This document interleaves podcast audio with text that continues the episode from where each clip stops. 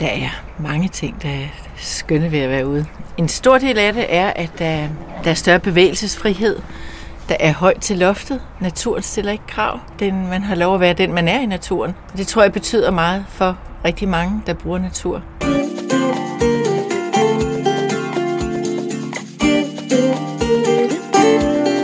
Du lytter til podcasten Verdens bedste mål. En podcast om FN's verdensmål.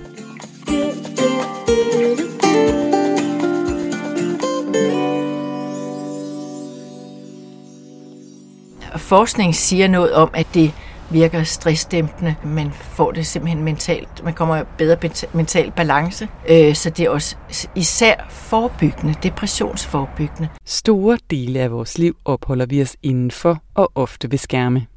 Men der er store muligheder i naturen, som understøtter både udvikling, læring og trivsel. Det forklarer Pernille Vipholm, ergoterapeut, underviser samt forsker i, hvordan man bruger naturen i sundhedsfaglige sammenhænge i det her afsnit, hvor hun har inviteret på kaffe i et shelter i skoven. Og her er kaffe, og jeg også lidt. Så. Mit navn er Lene Grundborg Poulsen, og i det her afsnit dykker vi ned i verdensmål 3, som handler om sundhed og trivsel. Og så kommer du også til at møde Janne på 39 år, som til hverdag er dagplejemor med et stort blik for naturen, mens hun lige nu læser til pædagogisk assistent. I mit arbejde som dagplejer, der øh, bruger jeg naturen rigtig meget, øh, fordi at, øh, jeg synes, det er vigtigt for både mig og især for børnene at komme ud og, og være ude i, i naturen i hver vind og bruge deres motorik. Det, øh, det styrker dem rigtig meget. Altså en af de positive ting ved at være ude i, i naturen, det er, at børnene de er sjældent syge, og det er jeg heller ikke. Altså nu, hvor jeg er startet i, i skole, på Social Sundhedsskolen der, der er vi ikke ret meget ude, og der, det, det kan jeg godt mærke. Jeg får tit hovedpine, og jeg har allerede været syg tre gange inden for, for et halvt år, og det er altså meget. Det er, er jeg slet ikke, hvis jeg har været hjemme i min praksis som dagplejer og er ude i naturen hver dag. At opholde sig i naturen skaber både bevægelsesglæde og mennesker mental overbelastning. Og i undervisningssammenhængen kan der opstå nye læringssituationer til gavn for både den enkelte og fællesskabet. Desuden ser kommuner i stigende grad naturen som et supplement til deres sundhedsindsatser. Og i det her afsnit, der ser vi på, hvordan naturen kan understøtte udvikling, læring og dannelse alle steder i samfundet for både unge og ældre. Hvorfor skal man være bange for at fryse, fordi man er blevet gammel og på plejehjem? Det er jo også en vidunderlig oplevelse at komme ud og mærke, når det er frost. Lød det her fra Pernille Vipholm. Og vi starter afsnittet og vores tur ud i naturen i udkanten af Lisbjergskoven, hvor Janne er taget ud for at mødes med Pernille Vipholm. Velkommen til Lisbjerg Skov, eller indgang til Lisbjerg Skov. Vi mødes her en dag i øh, december lige op til jul, og det har lige været sne. Det er det. Nogle siger heldigvis, andre desværre ikke mere. Har spejlglat, og det regner. Men øh, vi skal jo bare have ordentligt tøj på. Ja. Og hvor er det, vi skal hen nu? Ja, vi skal øh, op af den skovsti, som man også kan køre på, hvis øh, vejret var anderledes. Og, øh, og så lige lidt øh, gå et lille stykke, det er omkring 300 meter, så er vi henne på en shelterplads. Ja. Skal vi gå lige så forsigtigt her? Ja, gåsegang. Ja, og så er vi gået op ad bakken, op på bakken her, hvor shelterne er. Ved, øh, nu er vi tættere på skoven. Der er fem shelter og to bålpladser og en lille sø. Så indgangen her.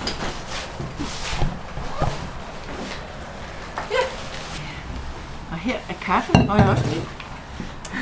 der, ja. Og jeg tager lige en krus her.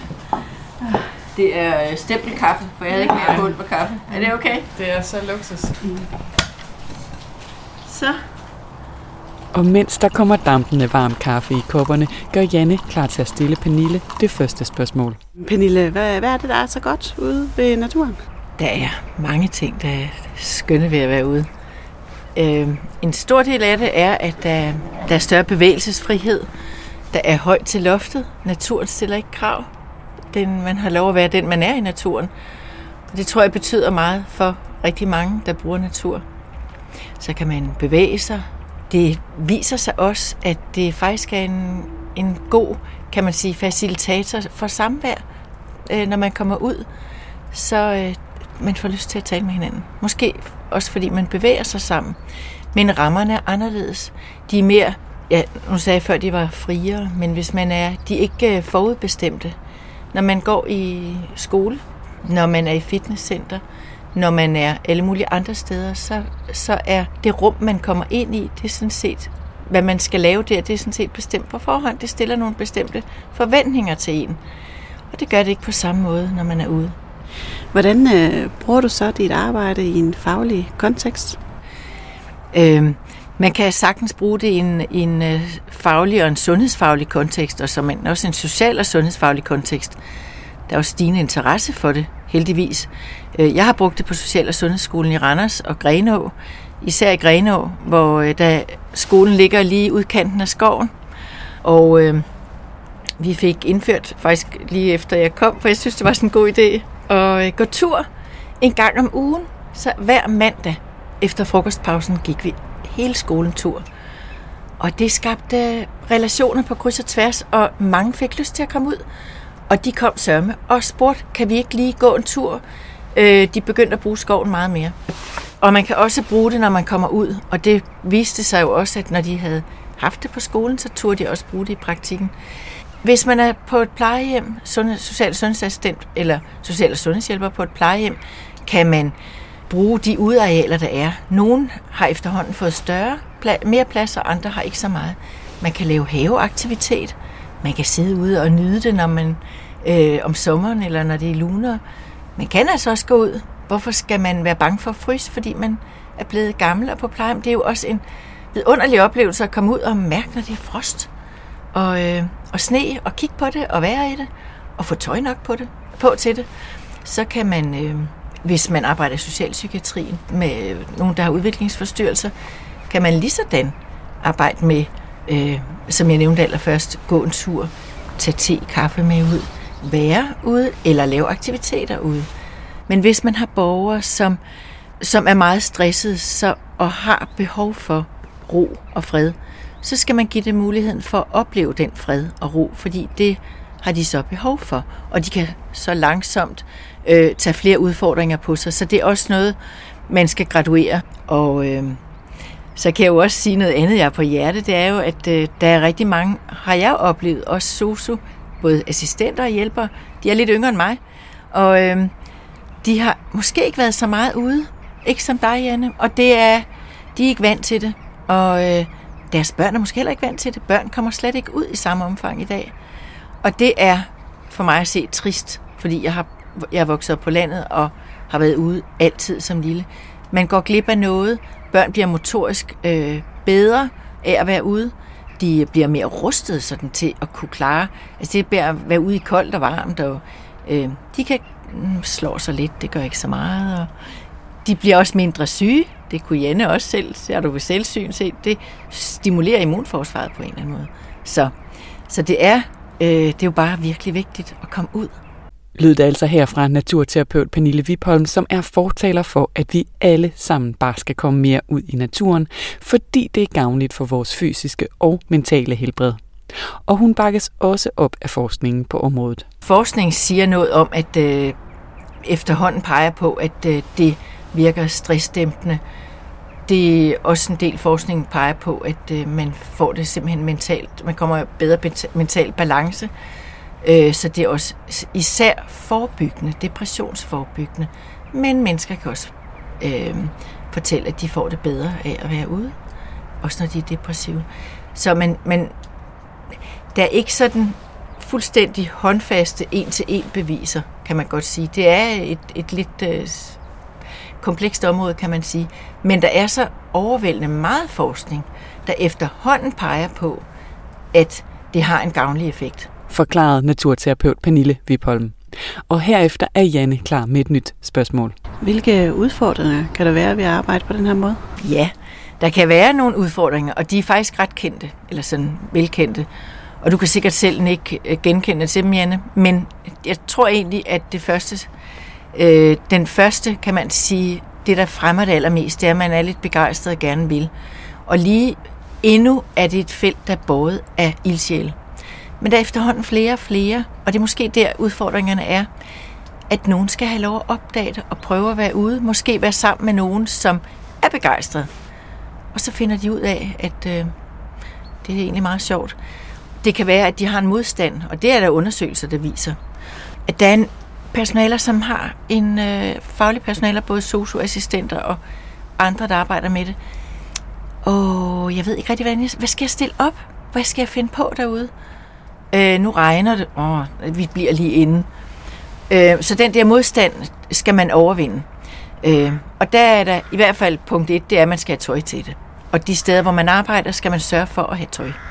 Øh, tøj til hele året, og de steder, man skal hen, hvis man ikke skal være lige der, hvor man øh, bor eller arbejder, så skal man øh, sådan have forberedt en rute, eller hvor lang tid tager det at komme derhen.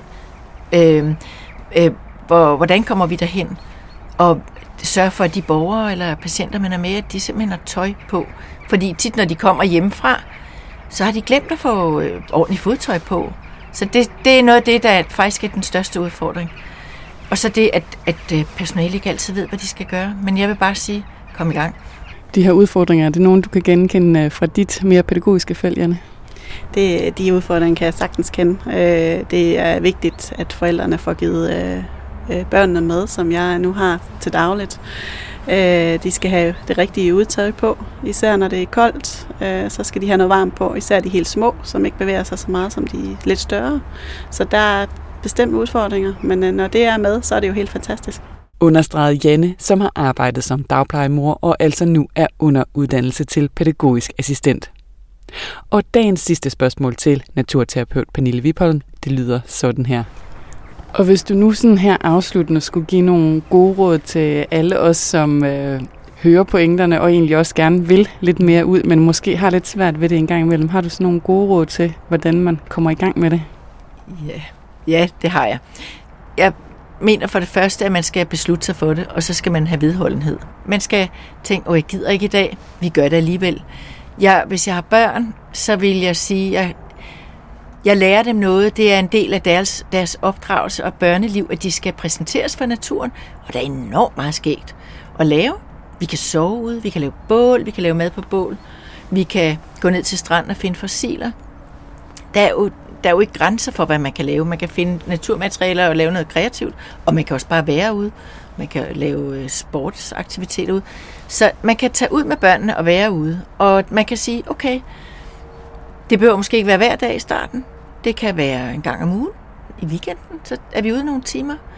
Eller bare sende ungerne ud en, en halv time hver dag, når de kommer hjem, og de lige har sådan rystet hovedet efter skole og daginstitution. Men gør det til en vane, det tror jeg, det det. Og så vide, at man giver dem noget uvurderligt, de får en gave med sig.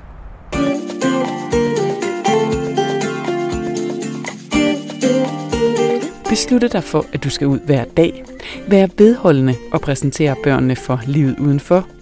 Det var altså de afsluttende råd her fra Pernille Vipholm i 10. afsnit af podcasten Verdens bedste mål.